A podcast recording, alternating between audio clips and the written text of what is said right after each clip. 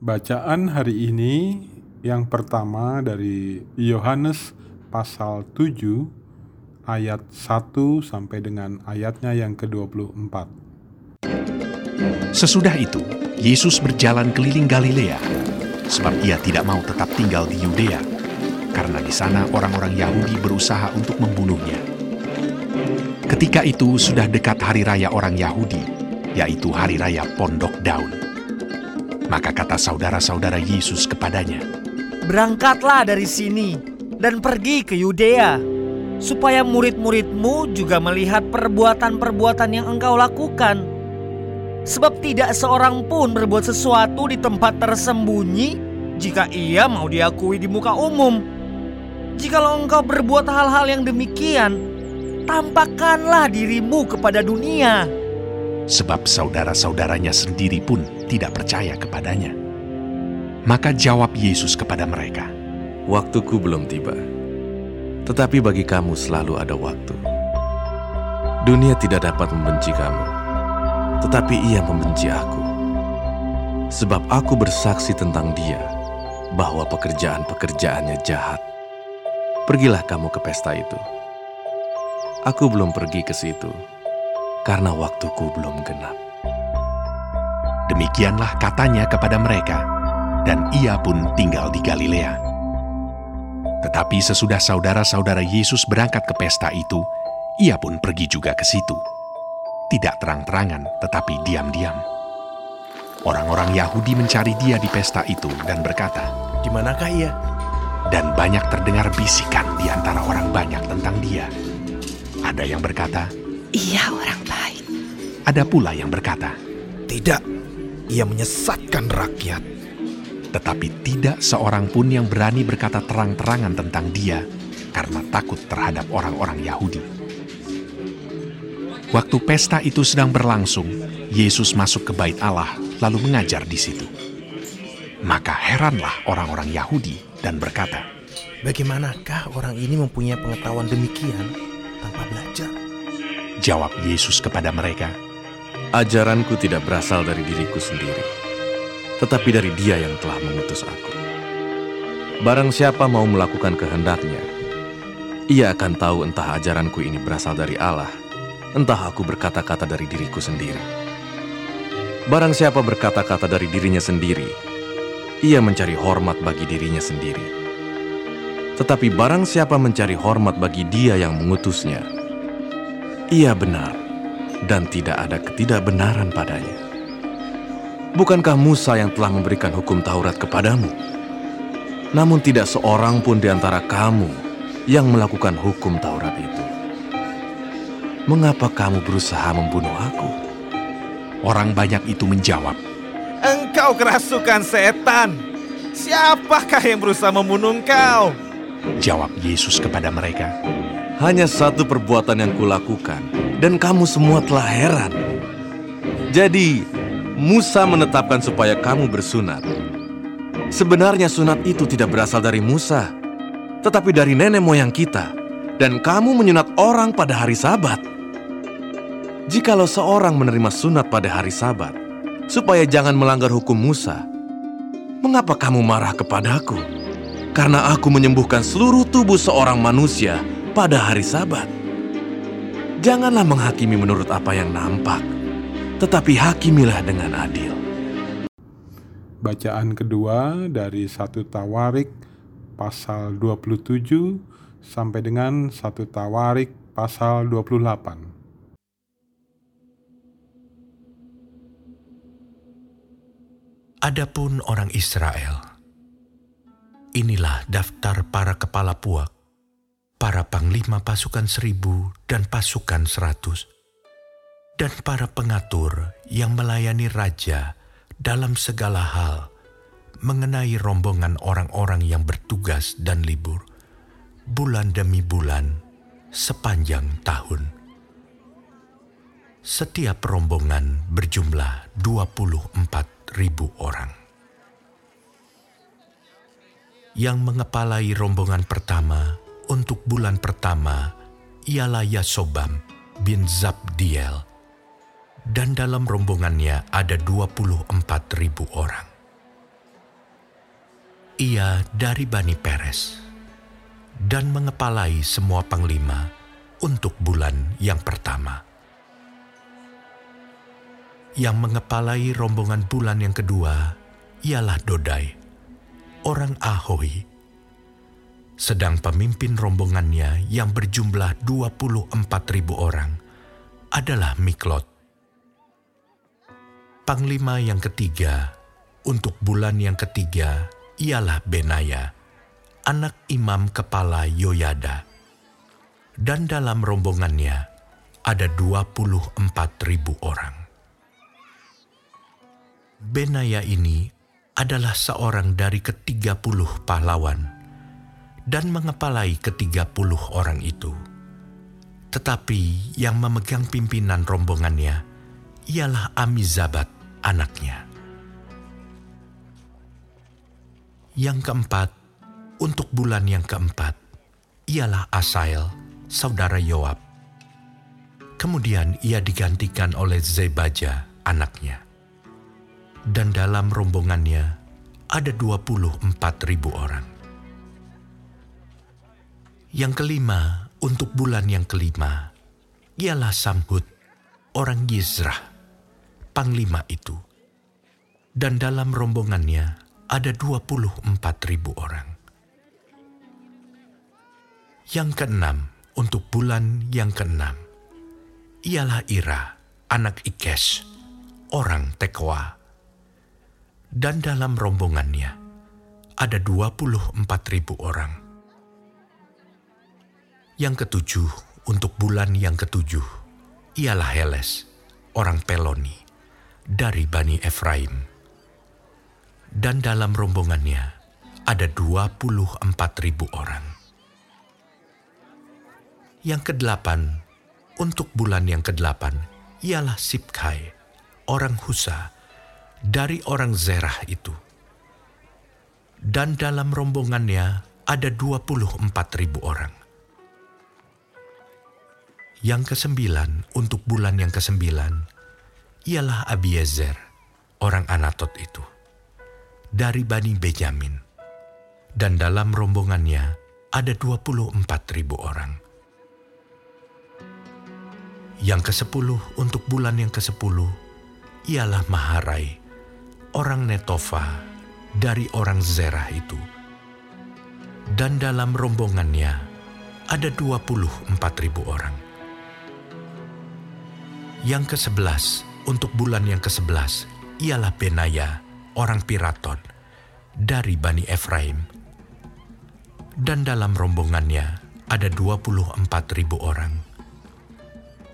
Yang kedua belas untuk bulan yang kedua belas ialah Heldai, orang Netofa itu, keturunan Otniel. Dan dalam rombongannya ada 24 ribu orang. Yang mengepalai suku-suku Israel untuk orang Ruben, ialah Eliezer bin Sikri sebagai pemimpin. Untuk orang Simeon, ialah Sefaca bin Maaka. Untuk suku Lewi ialah Hasabia bin Kemuel. Untuk keturunan Harun ialah Zadok. Untuk suku Yehuda ialah Elihu, salah seorang saudara Daud untuk suku Isakar ialah Omri bin Mikael. Untuk suku Zebulon ialah Yismaya bin Obaja. Untuk suku Naftali ialah Gerimot bin Azriel. Untuk Bani Efraim ialah Hosea bin Azazia. Untuk setengah suku Manasye ialah Yoel bin Pedaya untuk setengah suku Manasye yang di Gilead ialah Yido bin Zakaria. Untuk suku Benyamin ialah Yaasiel bin Abner. Untuk suku Dan ialah Azareel bin Yeroham. Itulah para kepala suku-suku Israel. Daud tidak menghitung jumlah orang-orang yang berumur 20 tahun ke bawah. Sebab Tuhan telah menjanjikan untuk membuat orang Israel sebanyak bintang-bintang di langit. Memang Yoab, anak Zeruya, telah mulai menghitung, tetapi ia tidak menyelesaikannya. Sebab oleh karena hal itu, orang Israel tertimpa murka. Dengan demikian, jumlah mereka tidak dibukukan dalam kitab sejarah Raja Daud. Yang mengawasi persediaan raja ialah Azmawet bin Adiel dan yang mengawasi persediaan di luar kota, di kota-kota, di desa-desa, dan di dalam menara-menara lumbung, ialah Yonatan bin Uzia. Yang mengawasi para pekerja di ladang, yang harus mengusahakan tanah, ialah Ezri bin Kelub. Yang mengawasi kebun-kebun anggur, ialah Simei orang Rama. Yang mengawasi hasil kebun anggur untuk persediaan anggur ialah Zabdi, orang Shifmi. Yang mengawasi pohon-pohon zaitun dan pohon-pohon ara di daerah bukit ialah Baal Hanan, orang Gederi. Yang mengawasi persediaan minyak ialah Yoas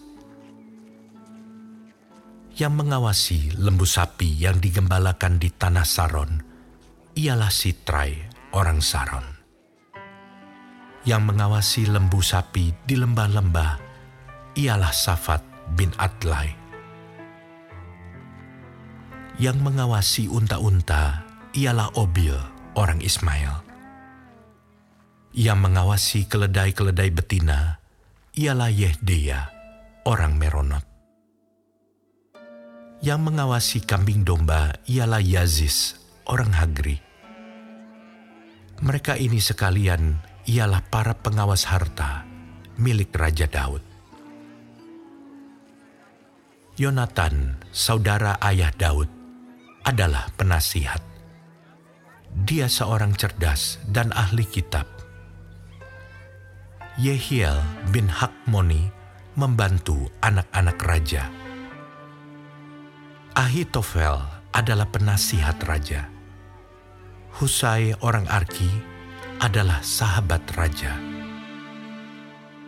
Yang menggantikan Ahitofel kemudian ialah Yoyada bin Benaya dan Abiatar. Panglima raja ialah Yoab.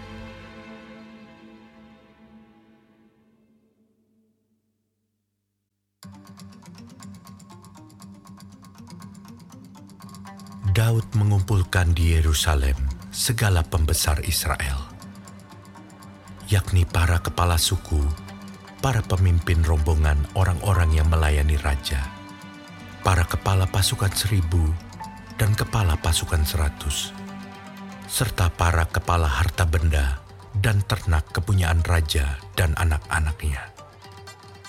Bersama-sama mereka juga para pegawai istana dan para perwira dan semua pahlawan yang gagah perkasa.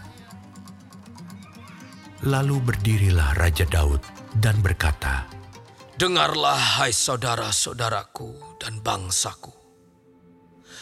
Aku bermaksud hendak mendirikan rumah perhentian untuk tabut perjanjian Tuhan. Dan untuk tumpuan kaki Allah kita.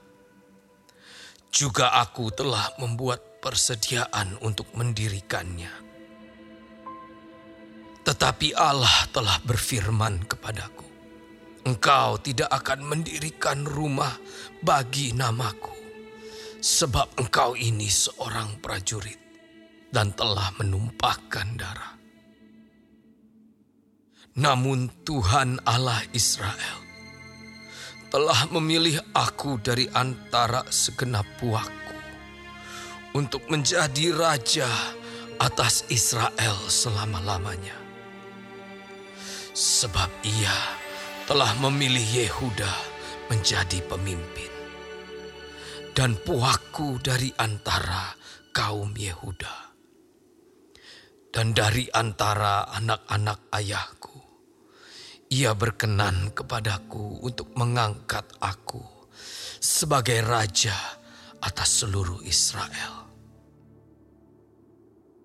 Dan dari antara anak-anakku sekalian, sebab banyak anak telah dikaruniakan Tuhan kepadaku. Ia telah memilih anakku Salomo untuk duduk di atas takhta pemerintahan Tuhan atas Israel. Ia telah berfirman kepadaku, Salomo anakmu, dialah yang akan mendirikan rumahku dan pelataranku. Sebab aku telah memilih dia menjadi anakku, dan aku akan menjadi bapaknya. Dan aku akan mengokohkan kerajaannya sampai selama-lamanya. Jika ia bertekun melakukan segala perintah dan peraturanku seperti sekarang ini. Maka sekarang, di depan mata seluruh Israel, jemaah Tuhan, dan dengan didengar Allah kita, aku berkata kepadamu, peliharalah dan tuntutlah segala perintah Tuhan Allahmu, supaya kamu tetap menduduki negeri yang baik ini dan mewariskannya sampai selama-lamanya kepada anak-anakmu yang kemudian. Dan engkau anakku Salomo, kenalah Allahnya ayahmu dan beribadahlah kepadanya dengan tulus ikhlas dan dengan rela. Sebab Tuhan menyelidiki segala hati dan mengerti segala niat dan cita-cita. Jika engkau mencari dia, maka ia berkenan ditemui olehmu.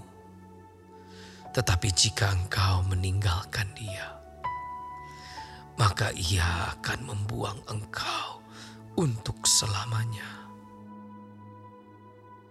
Camkanlah sekarang sebab Tuhan telah memilih engkau untuk mendirikan sebuah rumah menjadi tempat kudus. Kuatkanlah hatimu dan lakukanlah itu. Lalu Daud menyerahkan kepada Salomo anaknya rencana bangunan dari balai bait suci dan ruangan-ruangannya, dari perbendaharaannya kamar-kamar atas dan kamar-kamar dalamnya, serta dari ruangan untuk tutup pendamaian. Selanjutnya, rencana dari segala yang dipikirkannya mengenai pelataran rumah Tuhan dan bilik-bilik di sekelilingnya, mengenai perbendaharaan-perbendaharaan rumah Allah dan perbendaharaan-perbendaharaan barang-barang kudus mengenai rombongan-rombongan para imam dan para orang Lewi, dan mengenai segala pekerjaan untuk ibadah di rumah Tuhan, dan segala perkakas untuk ibadah di rumah Tuhan. Juga ia memberikan emas seberat yang diperlukan untuk segala perkakas pada tiap-tiap ibadah, dan diberikannya perak seberat yang diperlukan untuk segala perkakas perak pada tiap-tiap ibadah, yakni sejumlah emas untuk kandil-kandil emas dan lampu-lampunya yang dari emas, seberat yang diperlukan tiap-tiap kandil dan lampu-lampunya, dan perak untuk kandil perak, seberat yang diperlukan perak untuk satu kandil dan lampu-lampunya, sesuai dengan pemakaian tiap-tiap kandil dalam ibadah. Kemudian diberikannya sejumlah emas untuk meja-meja roti sajian, meja demi meja, dan perak untuk meja-meja dari perak. Selanjutnya emas murni untuk garpu-garpu dan bokor-bokor penyiraman dan kendi-kendi. Juga untuk piala-piala dari emas seberat yang diperlukan untuk tiap-tiap piala dan perak untuk piala dari perak seberat yang diperlukan untuk tiap-tiap piala. Juga emas yang disucikan untuk mesbah pembakaran ukupan seberat yang diperlukan dan emas untuk pembentukan kereta yang menjadi tumpangan kedua kerup yang mengembangkan sayapnya sambil menudungi tabut perjanjian Tuhan. Semuanya itu terdapat dalam tulisan yang diilhamkan kepadaku oleh Tuhan, yang berisi petunjuk tentang segala pelaksanaan rencana itu. Lalu berkatalah Daud kepada Salomo, anaknya, Kuatkan dan teguhkanlah hatimu, dan lakukanlah itu. Janganlah takut, dan janganlah tawar hati. Sebab Tuhan Allah, Allahku, menyertai engkau. Ia tidak akan membiarkan dan meninggalkan engkau sampai segala pekerjaan untuk ibadah di rumah Allah selesai. Sesungguhnya rombongan para imam dan para orang Lewi ada untuk melakukan segala ibadah di rumah Allah. Dan ada beberapa sukarelawan yang ahli dalam setiap tugas yang dapat membantu engkau. Juga para pemimpin dan seluruh rakyat ini sepenuhnya ada di bawah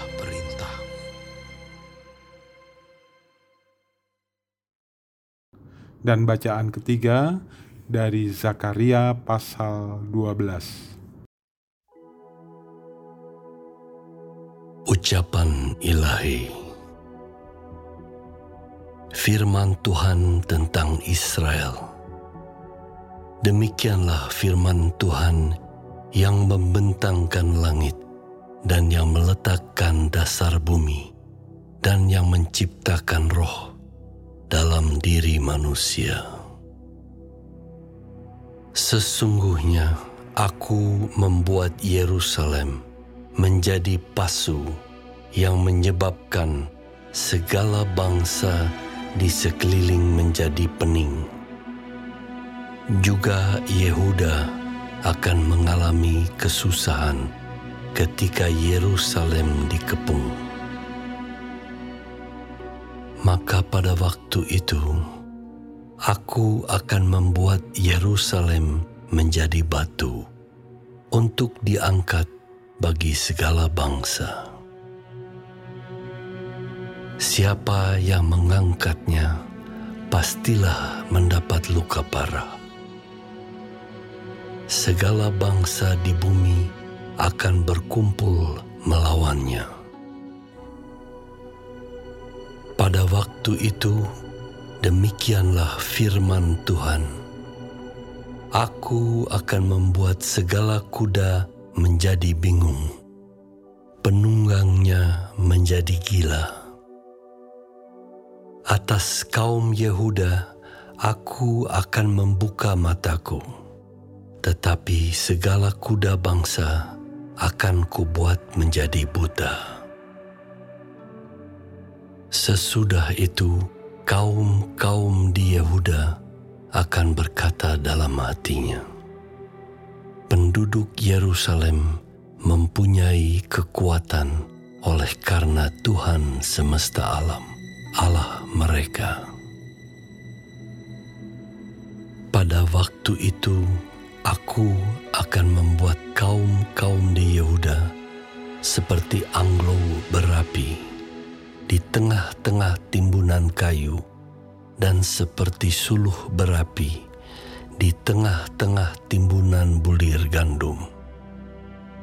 Api keduanya akan menjilat ke kanan dan ke kiri segala bangsa di sekeliling.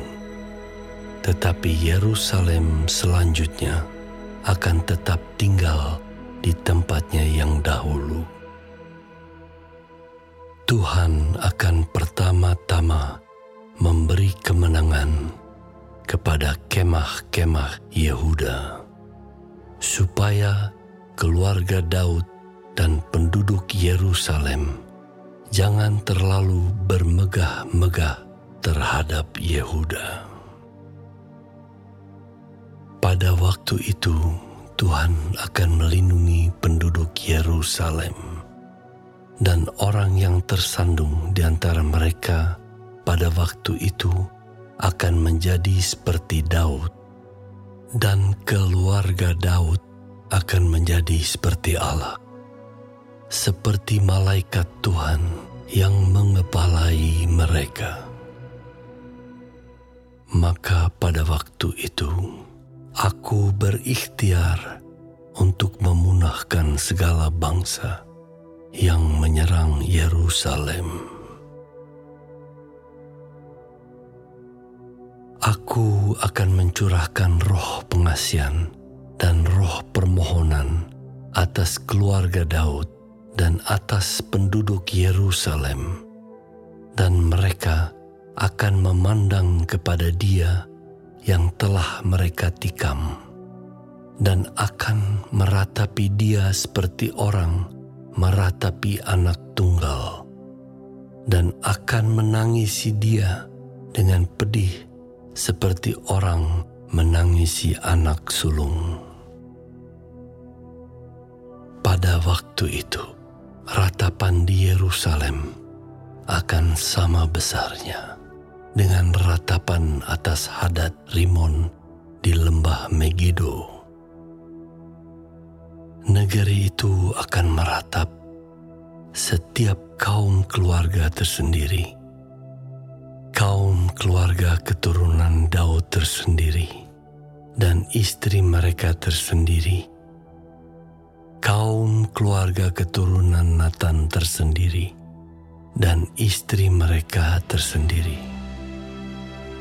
Kaum keluarga keturunan Lewi tersendiri dan istri mereka tersendiri. Kaum keluarga Simei tersendiri dan istri mereka tersendiri. Juga segala kaum keluarga yang masih tinggal setiap kaum keluarga tersendiri dan istri mereka tersendiri.